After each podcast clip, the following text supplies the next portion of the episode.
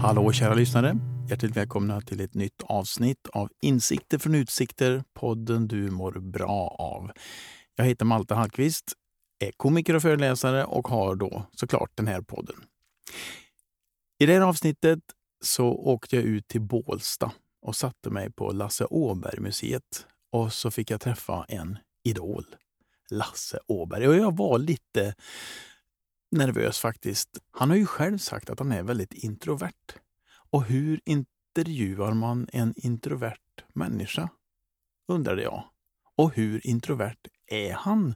tänkte jag. Så det kollar jag upp och resultatet har ni här i avsnitt 83 av Insikter från utsikter med Lasse Åberg. Lasse Åberg en levande legend. Ingen har väl som han gjort så tydliga avtryck i den svenska kulturen. Som Stig-Helmer fick han oss att älska den tafatte, den lite försynte brödrostnörden och som Trasan Apansson fick han oss att vilja bo högt upp i ett trä och hänga med bananer. Och Electric Banana Band sjunga om Maja Piraya. Hur lever Lasse nu? Vilka drömmar har han kvar att uppfylla och vad menar han med carpe manana? Detta och mycket mer kommer här. Men först stavgång eller icke stavgång.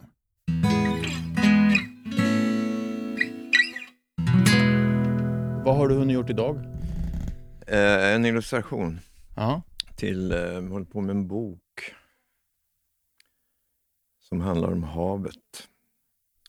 Är en beställning från Voice of the Ocean, en organisation. ja. Hur mycket jobbar du? Ja, jag brukar säga att inte en dag utan ett streck. Nej. Jag, nej, men jag håller på med olika saker.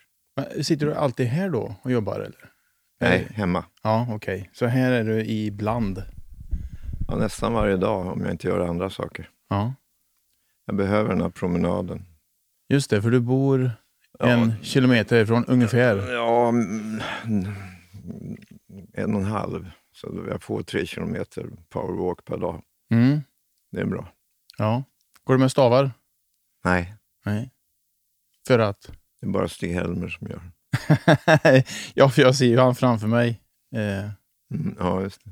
och skriker efter vad har du för valla? Och, Ja, precis. ja. Ja, känns det som du blir för mycket Stig-Helmer om du använder stavar? Nej, det har inte blivit av bara. Det, Jag tänker att det jag kan har vara ju bra. en sån här eh, Dramaten som jag går och drar till Ica. Så att, Ja, ja. så att, eh, Du får din... nej, Eh, jag, de får gärna tycka att jag är Stig-Helmer. kära lyssnare. Hjärtligt välkomna till ytterligare ett avsnitt av Insikter från Utsikter, podden du mår bra av. Idag har jag en väldigt speciell utsikt. Vi sitter inne i Lasse Åberg-museet och mitt framför mig så har jag den, den fantastiska maskinen eh, som kommer från filmen Den ofrivillige golfaren. Så att man får rätt sving. Vem är det som har konstruerat den där? Jag har ritat den och en kille som heter Pelka Hansson har byggt den efter mina eh, summariska ritningar. Och eh, jag hävdar att svingplanet är korrekt. Mm. hur, hur vet du det? Nej, det, folk som kan spela golf ordentligt har sagt det, att det där ser bra ut. Ja. ja jag minns ju den från filmen verkligen. Eh, och nu har jag börjat spela golf på ja, senaste fem åren här. Jag, jag tycker det ser bra ut. Ja, jag brukar säga att det är en märklig sport. Det är till 95 procent mentalt och resten sitter i huvudet. Ja, exakt. Jag brukar faktiskt ta det citatet när jag är ute Ja. bland folk. Ja, Jag tycker det är bra. Eh, jag har nog sagt fel då, för jag har sagt att enligt Lasse Åberg så är det 90 procent eh, mentalt och resten är eh, psykiskt. ja, okej. ja, ja. Det är samma andemening. Du, stort tack för att du tar emot mig här i ditt museum. Det känns eh, fantastiskt att få sitta här med en legend. Ja.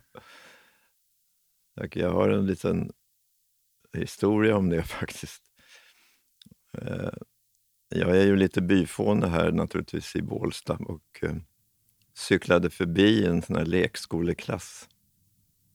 Och eh, de gick där med sina varselvästar och höll varandra i hand. Och så, när jag cyklar förbi så skriker den lilla ungarna Åh, Lasse Åberg, titta Lasse Åberg! Och så är det en unge som skriker En levande legend. är det sant? Ja. Vad var det för ålder på dem? Ja, äh, fem, sexåringar. Det är För-. Förskola. Jag hade väl snappat det av morsan. Eller, Ja, för det kan ju Farsan. knappast de som vet om att du är en levande legend. det Nej, måste ju någon ha berättat. Ja, Ja, det är ju fantastiskt. ja, Man känner ju till ganska mycket av ditt liv sådär och du har ju varit i lite olika poddar och man, eh, jag tror man kan sin Lasse Åberg, men det finns ändå några sådär punkter som jag har valt ut. Tre stycken eh, händelser i ditt liv som jag tror har påverkat dig mycket. Och det ena är fem års ålder, scharlakansfeber. Oj, du har läst på. Ja, Ja, självklart. jo. ehm, det var ju innan föräldrar fick vara med barnen på sjukhus och så där, så, så blev jag då inlagd. Jag fick, de trodde att jag hade fått scharlakansfeber dessutom. Så jag blev forslad till Söderhamn.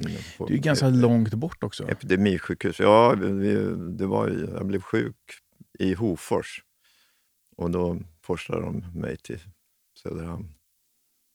Och lämnade mig där och jag låg där i en rätt lång period. Hur länge var det? Ja, jag tror att det var runt en månad. Ja. Ensam. Eh, eh, och i fyra, fem års åldern. Det var, jag måste ha satt några spår. ja, vad tror du det har satt för spår? Ehm, att jag eh, sa Lasse, nu får du fan klara dig själv. På något sätt. Ehm, Vid fem års Bita ålder? ihop. Ja. Och eh, s- s- satt väl igång med någon slags inre verklighet. Som man drömma. Ja, för någonstans i någon intervju, om jag läste eller hörde, så fick jag känslan av att du kände någonstans att du blev lite introvert av det där. Ja, jag har tolkat det så. Jag vet ju inte, man återskapar ju sin barndom och ungdom och ibland ljuger man friskt. Men eh, hårdfakta är att jag låg där på Söderhamns och eh, magrade, blev jävligt svag. Mm.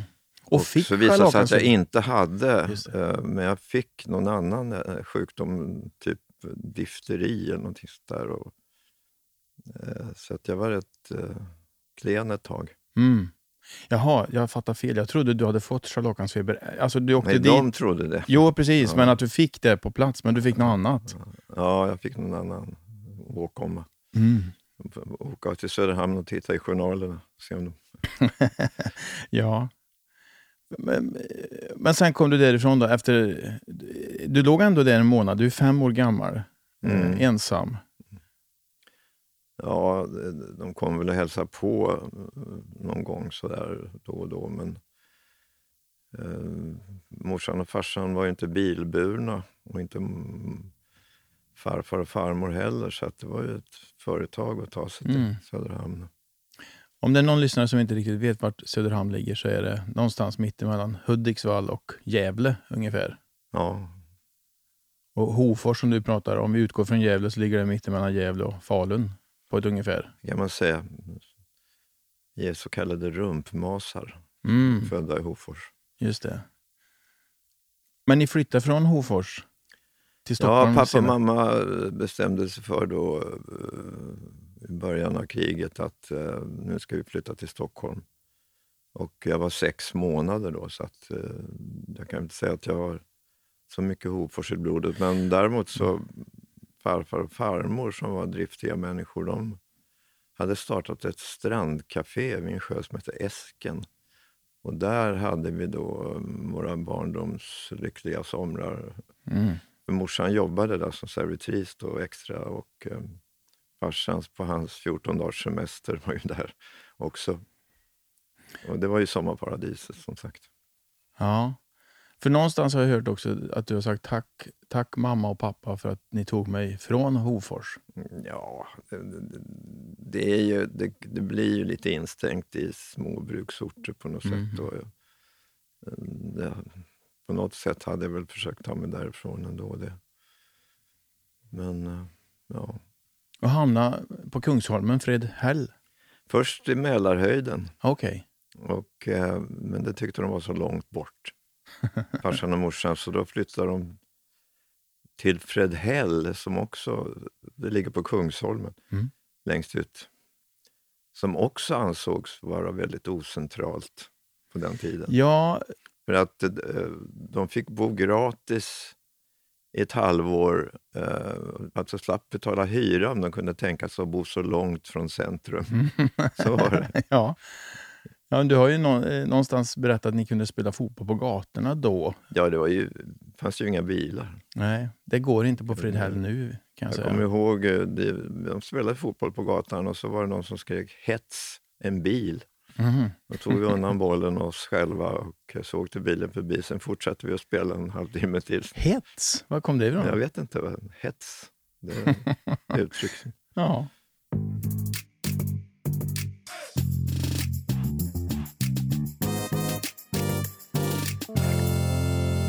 Sponsorsnack. Det finns köpcenter och så finns det köpcenter. Och så finns det Bergvik. Alltså Bergviks köpcenter. Bästa Bergvik. Jag gillar det stället, för där finns nämligen allt mellan himmel och jord. Allt ifrån galaklänning till grillkorv. Och mellan sådana ytterligheter vill man ju leva. Och det är möjligt på Bergvik. Att leva alltså, trots corona. För där finns stora ytor och vidtagna åtgärder så man kan vara lugn och trygg när man handlar på Bergvik. Så håll i och håll ut. Åk dit och håll avstånd. Handla tryggt och säkert så vi alla får möjlighet att befinna oss mellan himmel och jord på bästa Bergvik.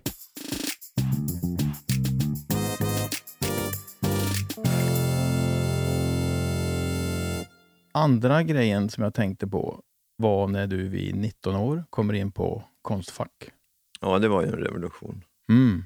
Förändrade mitt liv eh, väldigt mycket. På vilket sätt? Ja, jag, var, jag brukar säga att jag var ju eh, släktens geni. Men nu reducerades jag raskt till en medelmåtta och Mm. träffade många konstnärsbarn och duktiga tecknare och grejer. Så där, så att, Vart det en chock? nej, jag, jag är rätt anpassningsbar så att jag försökte väl foga mig.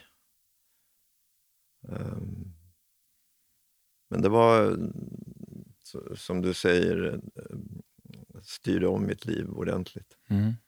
Men teckna har du gjort alltid? Där. Ja, jag sa ju redan... eh, Jag fick ju mycket beröm av släktingar. Så där, och faster Nanny till exempel sa Lasse, du ritar så det ser tryggt ut. Mm. Men du menar att det, det, man, han såg ut som en tidningsillustration. Det måste ha varit skönt att höra. Ja, jag blåste väl upp mig då och så mm, tecknade och visade kompisar och gjorde roliga teckningar och Mm. visade klassen. Och, eh, och sa då redan, som sagt var i tioårsåldern, att jag ska bli tecknare. Mm. Och, Var det eh, drömmen, liksom, var det siktet var inställt på? Ja, jag fick ju så mycket feedback som det heter på nysvenska. Mm. Så att eh, jag, jag trodde att jag kunde. Det, Och det kunde du väl? jo då, jag har tittat på några såna här barnteckningar. Så Så funkar de. jag, ska väl, jag ska ställa ut eh, på Teckningsmuseet i Laholm i sommar och då ska jag visa lite Ah. ungdomssynder. Hur känns det? Ja, det är kul. Ja. kul.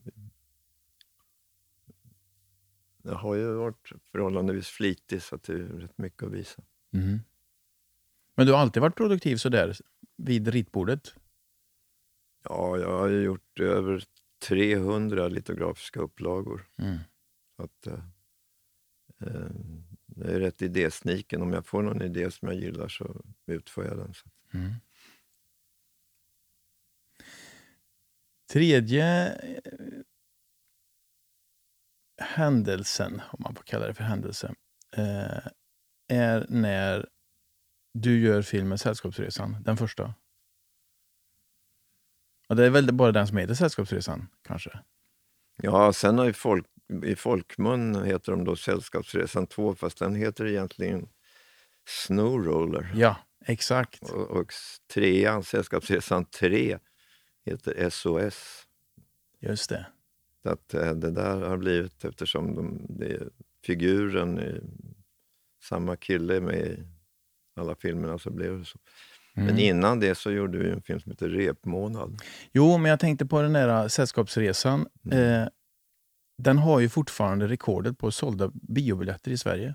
Ja, det har den. Det är ju fantastiskt. Om inte jag har hört något annat. Nej, jag har Nej. kollat. Ja.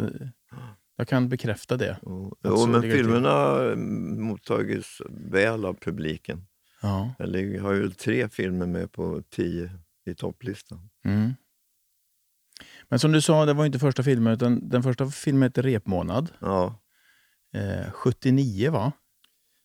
ja jag blev uppringd av en kille som heter Bosse Jonsson som då var vice vd på TV2. Och han skulle starta eget filmbolag då. Och eh, hade sett mina grejer, såna här eh, pantomimer. Dels hade jag gjort med en kille som heter Ardy Stryver och sen hade jag gjort några em, för, kan nästan kalla det för små etyder till filmerna. Jag gjorde en som heter Se upp i backen som handlar om skidåkning.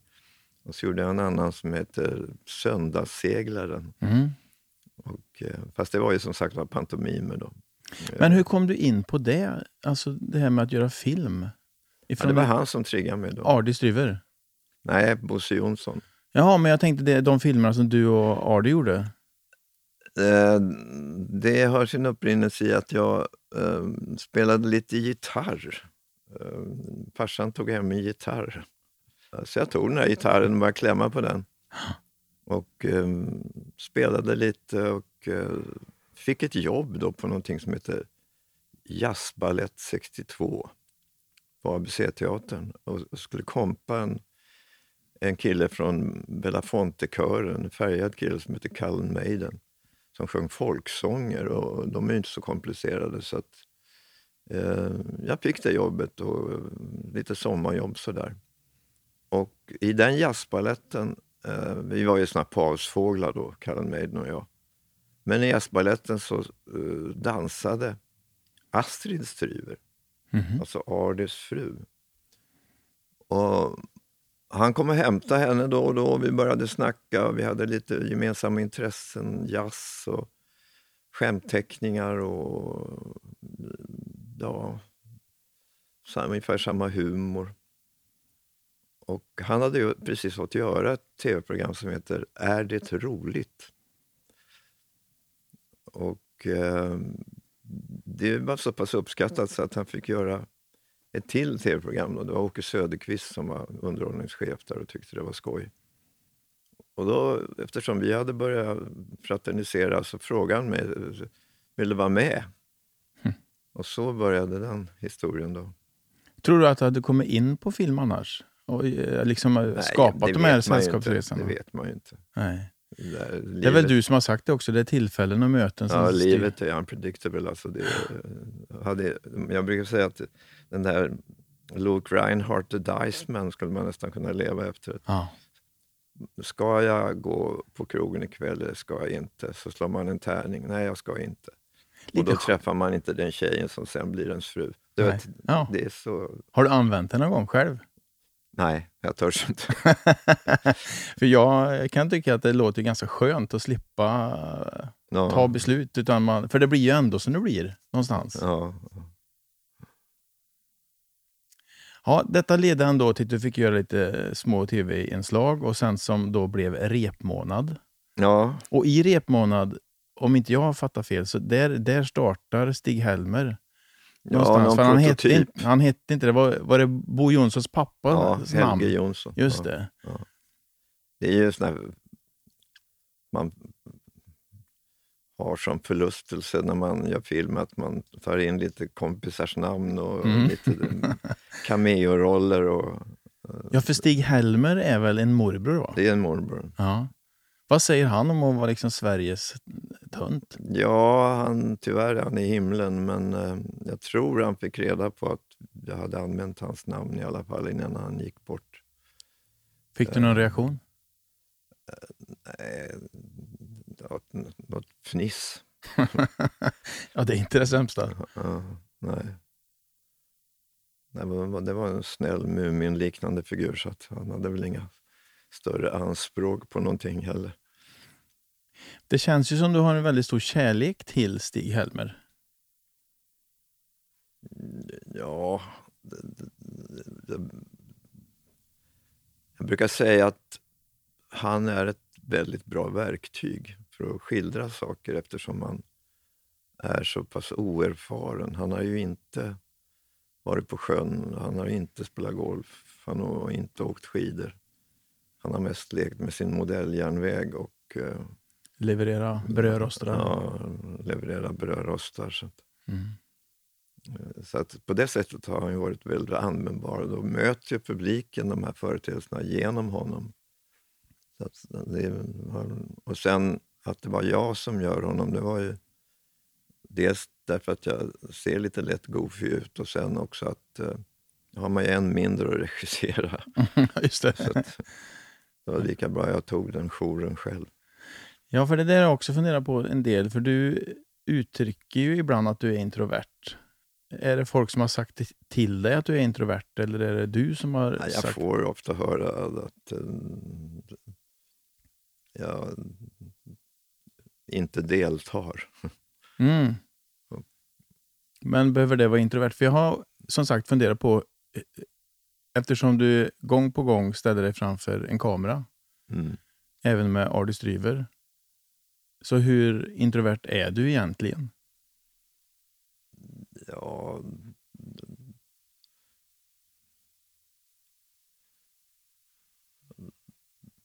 jag trivs ju eh, rätt bra med att gå och skrota och har inte så stort socialt behov Nej. kan jag säga. Mm. Vi, min fru och jag lever nästan som eremiter. Vi har inte något, inte något stort umgänge. Vi eh, går och pysslar med vårt. Och hon är ju också kreativ och textilar. Och Mm. jag har ju alltid saker att göra. Så, där, så att det, vi har de rutinerna. Ja, för du har ju ändå någon slags driv i att berätta. Du vill ju något. Ja, ja. Och jag, vi, är båda läsare. Så att Ja. vi, Och just den biten så känns det inte som, som introvert. Nej, nej.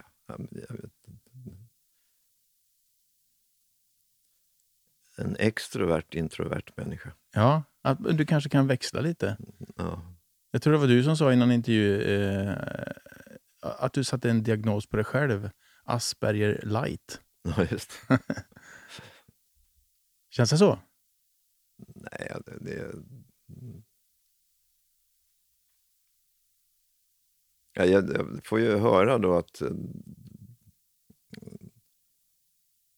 det ger ett rätt sävligt intryck Mm. och eh, går och grunnar på olika saker och eh, ibland är tämligen onåbar. Mm. Speciellt min fru tycker det Mm. då och då. Det är väl där karaktärsdragen blir som Hon starkast, tänker jag. fråga så här, vad var det för mat på museet idag? Ingen aning. Träffade du någon? Nej, inte vad jag vet. Men du kanske har hunnit gjort någon glad i Nej, det mötet. det, det kan också ha att göra med att jag eh, har ju då ständigt någon kreativ nöt som ska knäckas. Så att de här promenaderna som jag tar då fram och tillbaka till museet, det är ju som Strindberg och grabbarna, det, det är ett väldigt bra sätt att Mm. gå och mala och fundera på olika saker. Hur ska jag lösa det här? Hur ska jag lösa den teckningen? Och så vidare. Så att, Mm.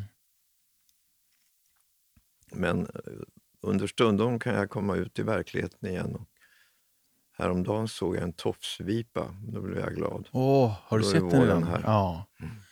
De har inte kommit till Värmland än, vad jag har sett. Jag brukar vara ute och spana lite. Ja, Jag har inte sett några än. nej. Vi har för mycket snö. Ni har mindre snö här.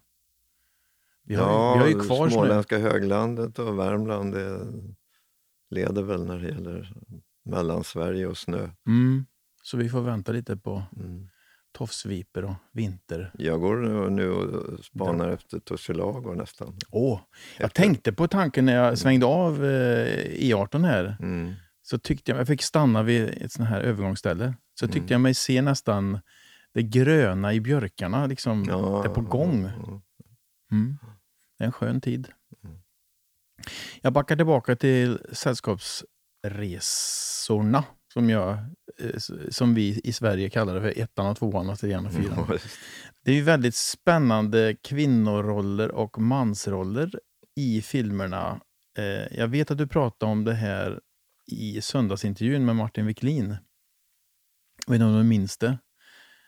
Men att killarna är ofta ganska löjliga, prylgalna, lite töntiga och försöker få kvinnor att förstå världen.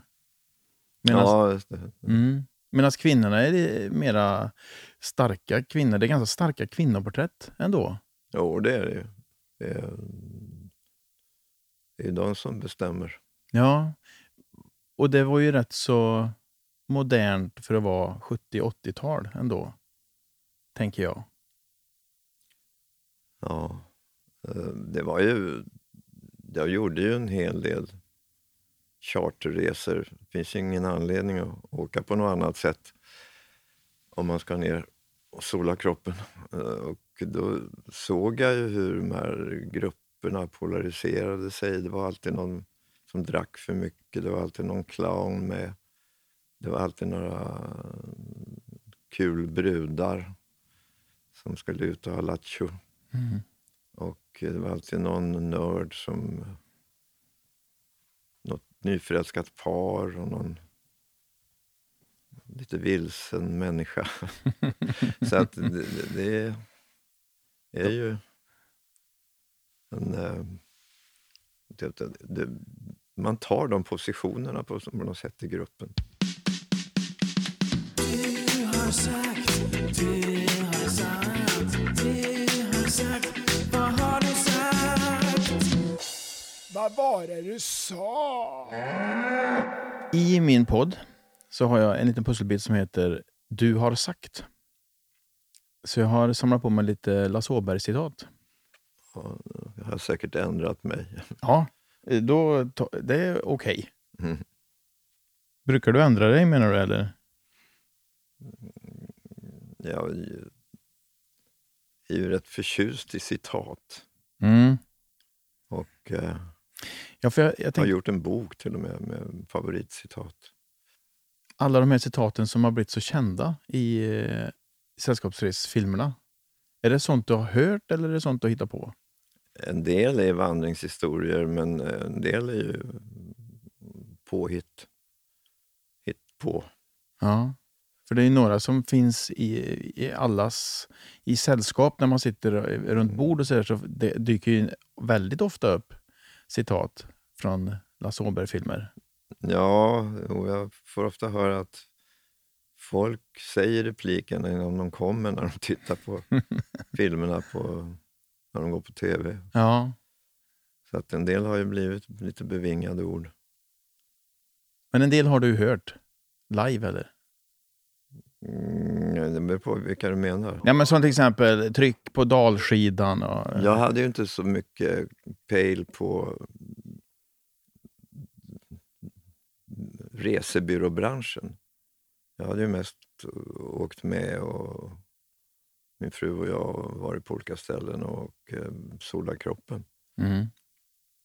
Eh, Så då tog vi och samlade ihop massa vingresefolk och bjöd dem på middag och så pumpade vi dem på lite saker som de hade varit med om och sådär. Okej, Eh, Bara för att få lite underlag. det var ju smart. Ja, eftersom vi inte kan branschen så var det ju...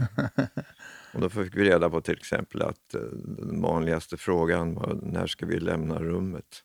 Mm. Den låg på topp, topp där. Och, eh, sen var det vissa saker som var så drastiska och så fantastiska så att de var helt orealistiska. Det gick inte att ha med saker. En del Som till exempel? Ja, det var, den hade man i och för sig kunnat haft med, men det var någon norrman som ehm, klagade på att det inte gick att tända eh, spisen trots att han då fyllde på sån här kongas, vilket är då eh, kolsötvatten. Den hade i och för sig platsat. Ja, ja verkligen.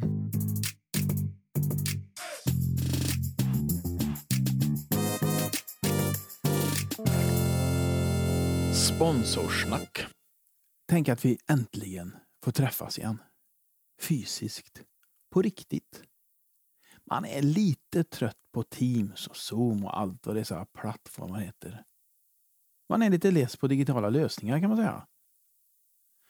Så det känns så gött att få fokusera på att få träffas på riktigt igen. Och då är Selma spa i Sunne det perfekta stället för att zooma in om man vill vara lite vitsig. Alltså det räcker med att komma in i foajén tycker jag för att hela kroppen ska slappna av. Men jag tänker även på deras förträffliga konferenslokaler, otroligt proffsiga personal, närheten till naturen och deras fantastiska utbud av aktiviteter. Det är som gjort för att mötas på riktigt. Det känns nästan som någon har tänkt till här. Och då har jag inte ens nämnt utepoolen än. I rostfritt. Alltså tänk att få flytta omkring där vet du. Som i en gigantisk disco och ta en selfie med fryken som bakgrund. Ja, det blir inte bättre. Så samla ihop ett gäng och åk dit och unna er det där lilla extra som blir när man möts på riktigt. Selma spa. Din nystart börjar där.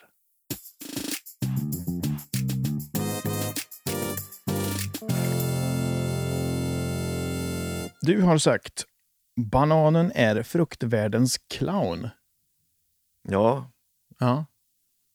Eh, Det är den ju. Den har, dels har den en fr- freudiansk form, om man säger så. Vad menar du med det? Att den är en penisliknande. Mm. Och sen att eh, man kan eh, på ett farsartat sätt halka på skalet och ramla, vilket anses kul. Och du använder det också i dina teckningar. Jag har sett någon banan, det växer ur en... eh, Den fungerar nästan som en vas till en eh, Ja, tulpan. den, den bilden har jag döpt till Dolly. Det är en klonad, Mm. klonad banan. Okej. Vi var inne på detta förut, men jag är en sävlig typ. Ja, jag får ofta höra det. av- Men däremot så har jag väl hunnit med en hel del, fast på ett långsamt sätt. Ja, för att vara sävlig så har du varit otroligt produktiv. Mm.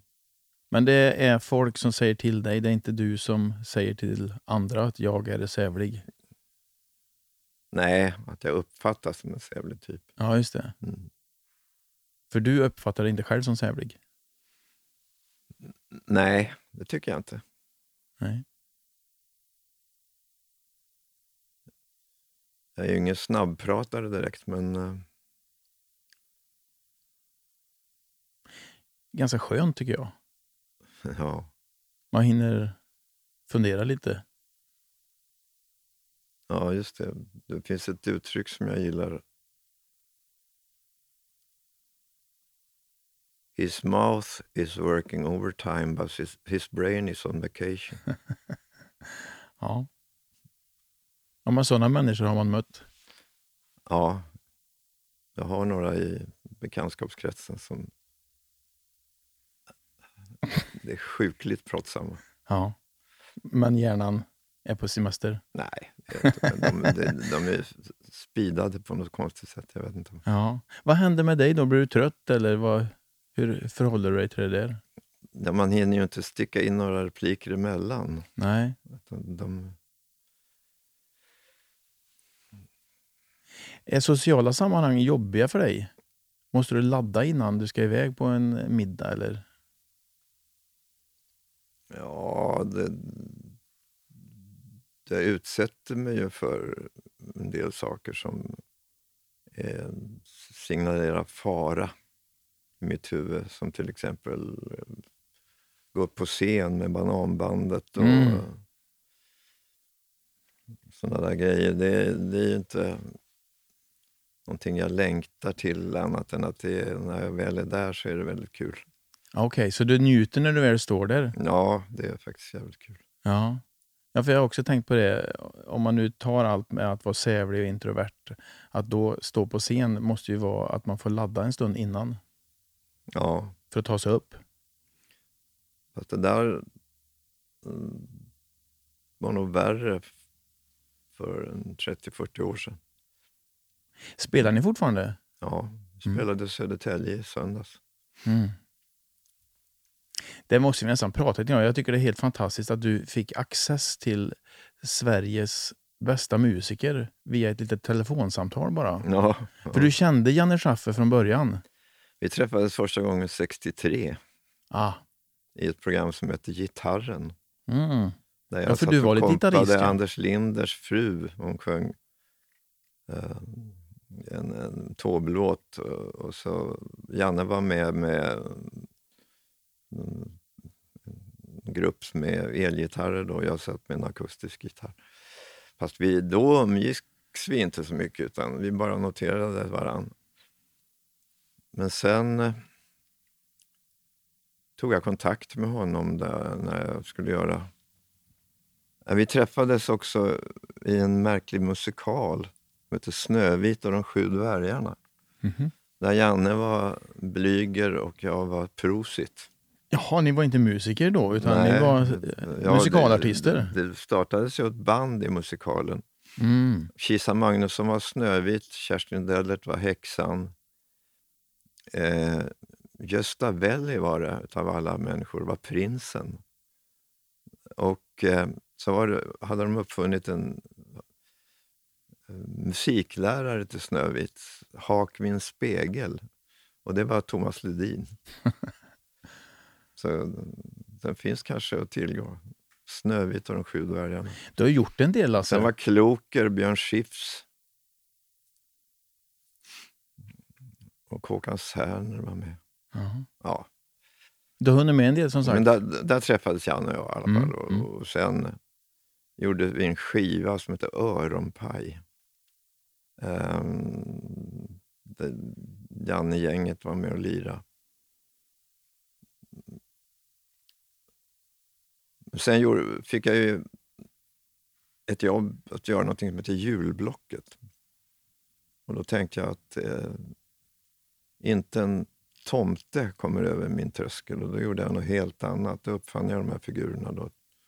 Trasan Apansson, som är en parafras på Tarzan, apornas son. Mm. Och eh, sen skulle jag... Tarzan har ju en sidekick som heter Cheetah. Då tänkte jag, då måste jag ha en apkompis. Och då hade jag träffat Klasse Möllberg som är en pigg man. Och han fick då spela Ban-Arne. Eh, kom, hans farsa heter Arne och eh, det var mycket bananer i programmet. Det blev. Och så behövde vi en vignett då till programmet. Mm. Balla Trasan Apansson. Och då vände jag mig till Janne. Han skrev den vignetten och sen gick den serien. Eh, sen stektes den, som det heter på fackspråk. Det vill säga den avmagnetiserades Ja, men det har jag av misstag. Mm. Hur kändes det? Ja, det, det, det var inget kul för att det var dagen innan det skulle gå i repris. Ja. Så märkte de det. Och det finns ingen någonstans som har på Jo, det? det finns måste ju finnas. VHS och VCR och sånt där. Ja, Men det anser ju inte. SVT sändningsdugligt. Nej, jag förstår. Ehm, men då fick vi ett erbjudande att göra en ny serie sponsrad utav TSV, Trafiksäkerhetsverket. Och eh, i första serien så hade vi köpt in såna här videosnuttar med olika band. Vi tänkte vi ska ge ungarna riktigt bra musik. Så vi Mm. eh, Blondie, Sparks, eh, Paul Young. Jag hade väldigt, alltså sköt över huvudet på ungarna på ett sätt men Ja, visst, jag var ju upp ung deras- på den tiden. Ja. Jag, det kändes inte som du sköt över huvudet. Jag älskar det. Bra. Mm. Men när vi skulle göra serie två då så eh, fick jag idén att vi, vi, vi struntade i att köpa in såna där grejer utan vi startade ett eget band. Som jag då döpte till Electric Banana Band. Och eh, ringde Janne och så var han i studio med de som blev första varianten av bandet. Tommy Kassemar och Pelle Lindvall och Mm. Ja, det var det jag Peter menade. Ljung. Ja, fantastiska musiker. Och eh, då frågade han dem om de kunde tänka sig vara med i, för då var det ju bara att spela i programmet. Mm. Då brukar jag gärna säga att det, han inte berättade var att de skulle ha djurkläder på sig. Mm. Nej, men de ställde upp, så det blev första Electric Banana Band. Då. Och sen gjorde vi väl det blev lite poppis och gjorde lite turnéer sådär. Och nedslag. Men sen fick vi en revival eh, när vi blev inbjudna till Hultsfred. Och det var eh, väldigt mycket folk. Och, och vi fick lite blodad tand och sen gjorde vi en till turné och då skrev vi in nya låtar. Då, Maja Piraya. Jag älskar Maja, min Maja, min bitska lilla piraya. Maja, min Maja, min bitska lilla piraya. Det ledde så småningom till att vi sålde platina och fyllde Globen två gånger. Vilket är helt otroligt. Ja, det är fantastiskt. När dök Bananflugorna upp, Henrik och Magnus Rångedal?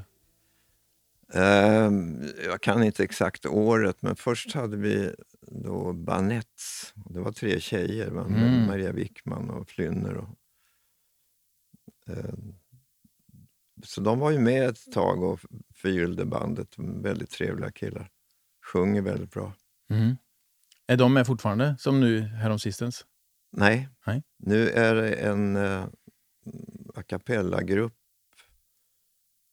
som eh, är ungefär som, ja vad ska man säga, de gör lite egna nummer utan instrument. Ja, ja, just det. Det är inte Real Group? Det är samma typ Ja, ja. som Real Group. Just det. Och Manhattan Transfer och de här. Mm. Riltons vänner heter de. Okej. Jätteduktiga. Mm. De var inte födda när bandet startade. Det är unga människor. Mm. Ja, jag, inför det här så har jag lyssnat igen då på eh, Electric Banana Band och det är ju svinbra låtar. Ja, en del är Mm. kul. Ja, men det är sånt eh, sug och drag i dem kan jag tycka. För det, om jag har förstått det hela rätt så du skriver text. Ja. Men har du någon melodi i huvudet? Eller får Janne fritt Nej, skapa? jag tänker ju rytmiskt när jag skriver. Mm. Ehm, men eh, det är alltid lika överraskande när jag får tillbaka resultatet då, när han har tonsatt mina texter. Dina För så rytmer. är det ju hela jag, skriver, Ja. jag skickar texten när jag får tillbaka. Men du har aldrig haft eh, någon idé på en melodi till han utan han skapar det? Nej, han skapar.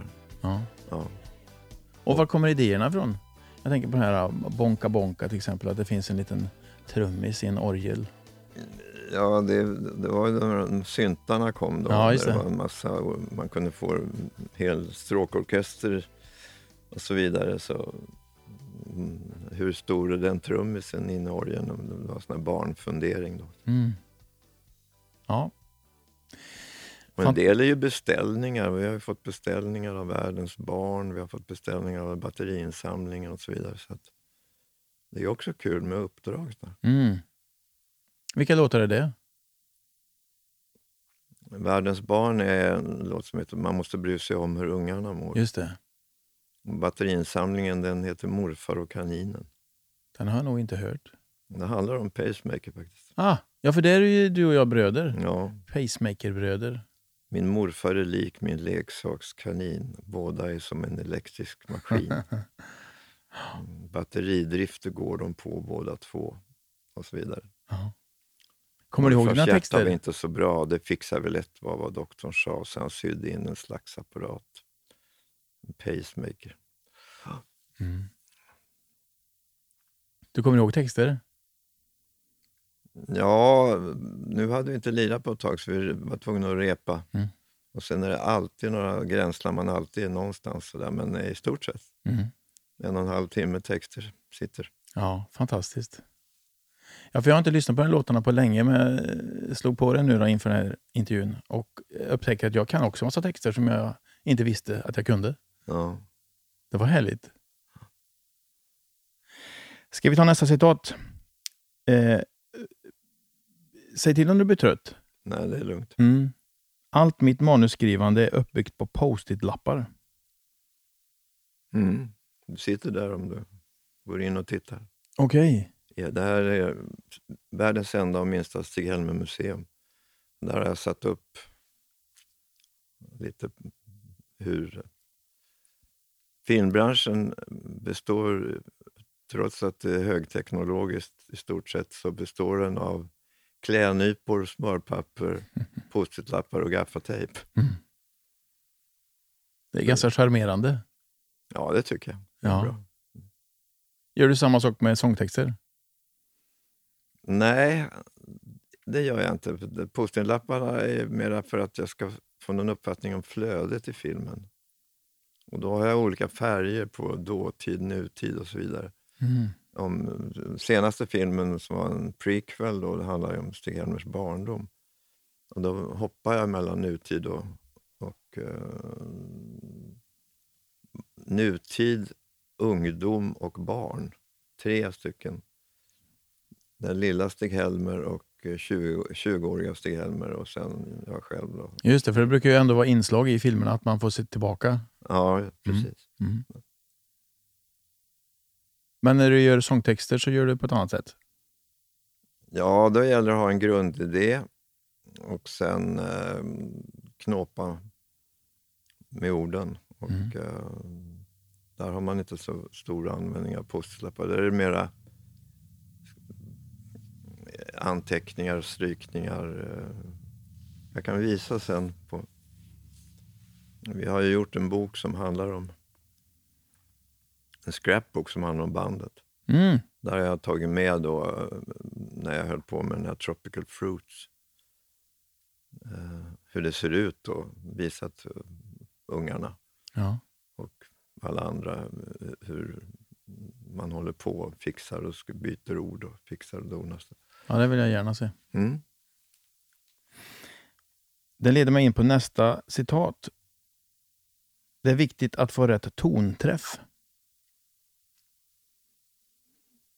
Eh, Och det här är då film... Ja. du ser förvånad ut. Ja. Mm. Eh, Det handlar om eh, filmmanus. Ja, eh, jag lägger ju ner rätt mycket möda på att få skådisar att släppa ur replikerna eh, utan att ta i. Mm. Utan att, många drar ju på utav gammal vana för att de ska höras upp till tredje raden. Men i film kanske kameran kryper på så att man är ett par decimeter ifrån och då blir det eh, lite too much. Så jag, jag brukar... Värsta äventyret jag haft i den branschen när jag var en av Sveriges största skådespelare, Erland- Josefsson, var med i Golfaren. Jag tyckte han var, ville att han skulle eh, ta ner... och då tänkte jag, ska jag, reklamtecknaren från Bålsta, gå fram till Sveriges största skådespelare och säga, hörru du, kan du lugna ner dig lite? Ska jag verkligen tordas ge honom regi? Men jag lindade in det där så att eh, han log vänligt och så tog vi om replik. Ibland är det ju en tillgång, eh, om det nu ska vara en sån scen. Men Mm. Mm. för det mesta, eftersom jag försöker ju då skildra episoder som ska lite kvasidokumentära sådär. Så är det väldigt känsligt med överspel. Alltså Mm, det, det, mm. det förstör för mycket.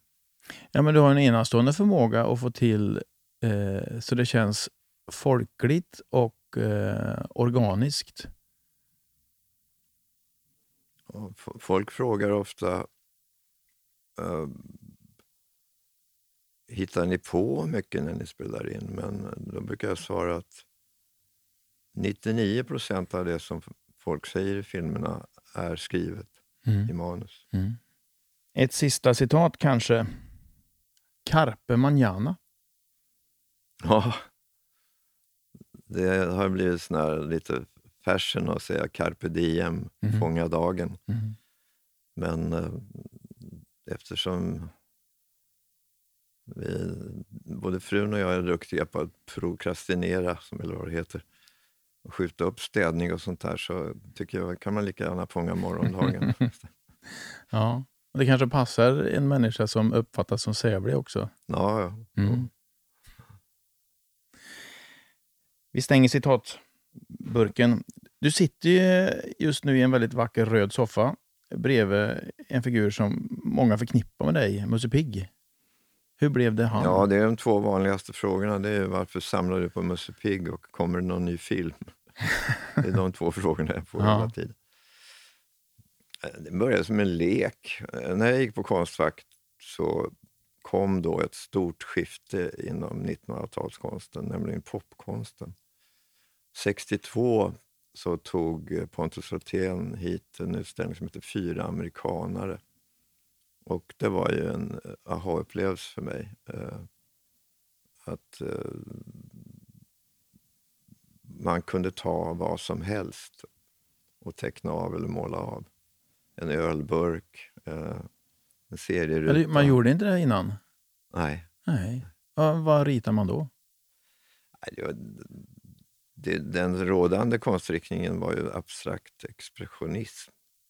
Willem de Kooning och det gäng, Jackson Pollock. Poppen var i alla fall en revolution. Och då bestämde jag mig för att om jag ska hålla på med fria bilder och ställa ut så där så ska det vara någonting som har med pop att göra. Och då tog jag den här förhållandevis innehållslösa figuren Mickey Mouse då och eh, började dels samla merchandise och sen använda det som modeller i mina bilder. Vad var det som gjorde att du fastnade för just Musse Pigg? Eh, Just därför att den är så vanlig. Mm.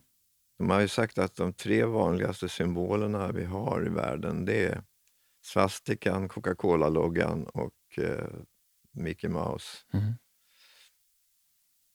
Jag tänker på dig som eh, du uttrycker själv då, sävlig och du är lång. och Det känns ju Janne Långben mer som en figur som skulle ha... Ja, fast det, det, han är... Musse är ju först. Han kom ju då Mm. med stor kraft 1928. Och sen dök de andra figurerna upp så småningom. Den koleriska arbetsskygga ankan 34 och så vidare.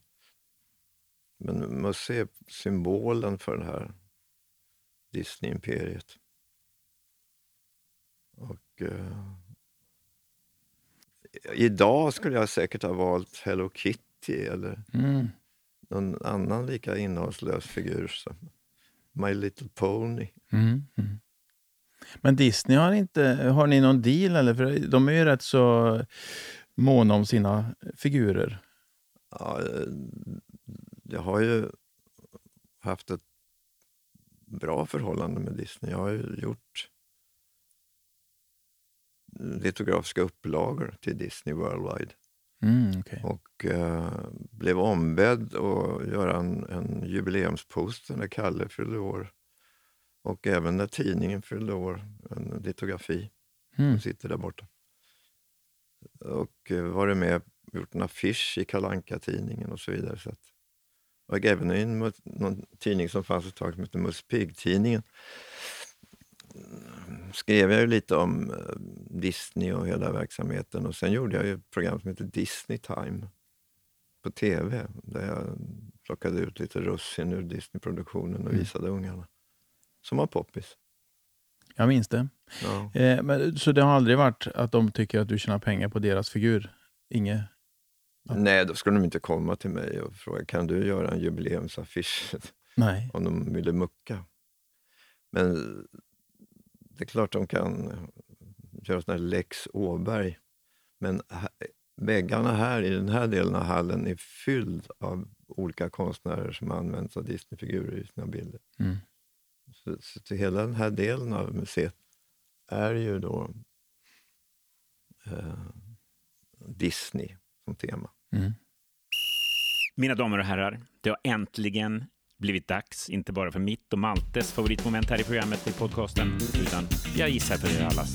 Det har blivit dags för Tombolan! Då ska jag veva och ta upp en lapp. Och på det- den står det någonting som jag ska svara på. Exakt. Du kan väl dra tre lappar direkt så du har det sen.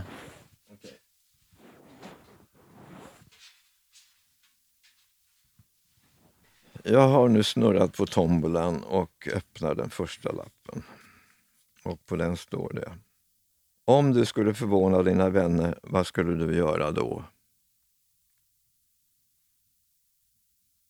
Slå ett rakt golfslag är en bra svar. Du har en tendens till slice hela tiden. Mm. Spelar du mycket golf? Nej, jag gjorde. Jag var väldigt road ett tag. Är det, Men alla jag har spelat med har dött. ja. Jag är i den åldern. mm. Tennis spelar du Ja, fortfarande? ja. Mm. Vad blir du stressad av? Ja, för närvarande så är det en konflikt mellan Ryssland och Ukraina Mm. som jag blir väldigt stressad av. Vad tror du händer i den här konflikten? Ja, jag törs inte ens tänka på om de ska börja damma av sina kärnvapen. Alltså det, usch. Vad längtar du efter?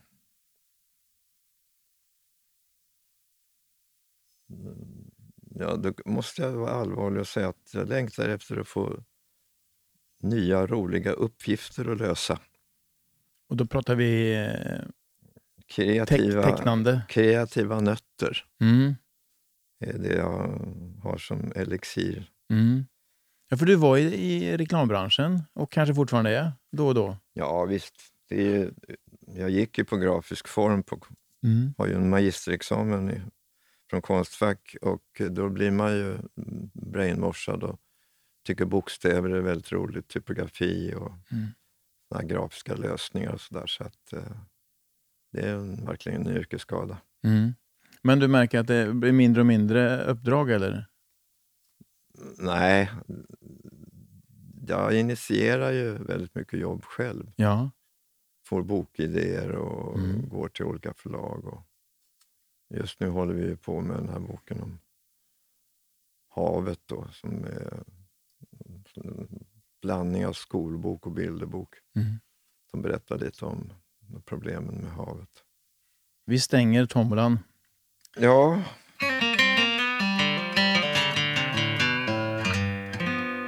Avslutningsvis.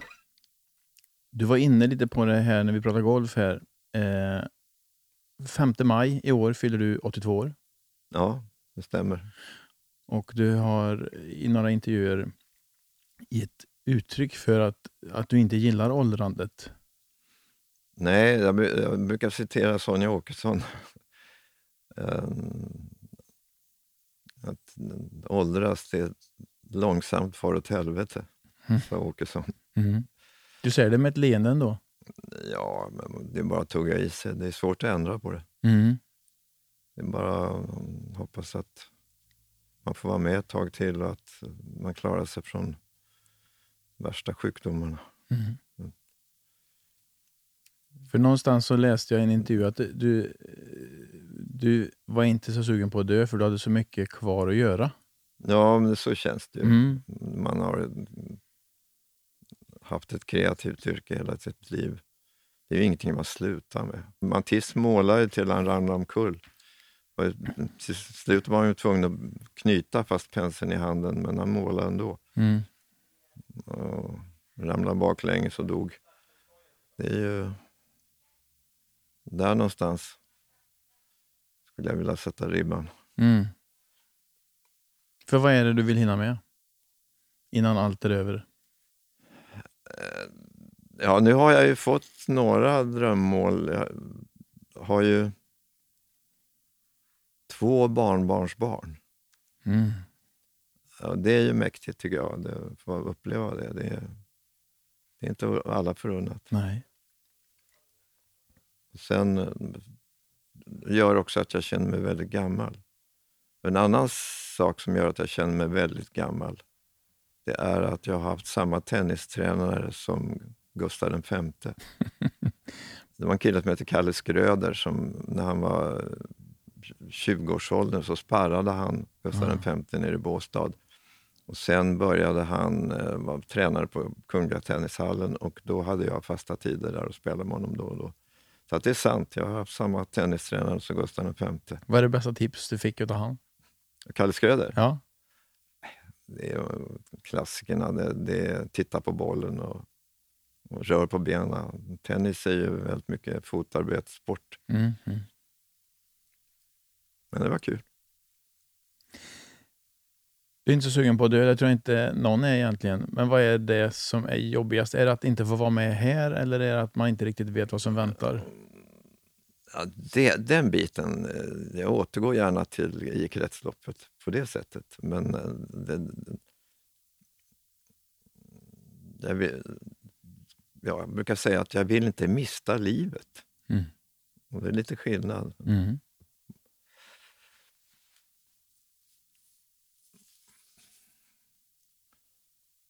Det är mycket goda viner att dricka och my- mycket god mat att äta och eh, mycket trevligt man kan göra.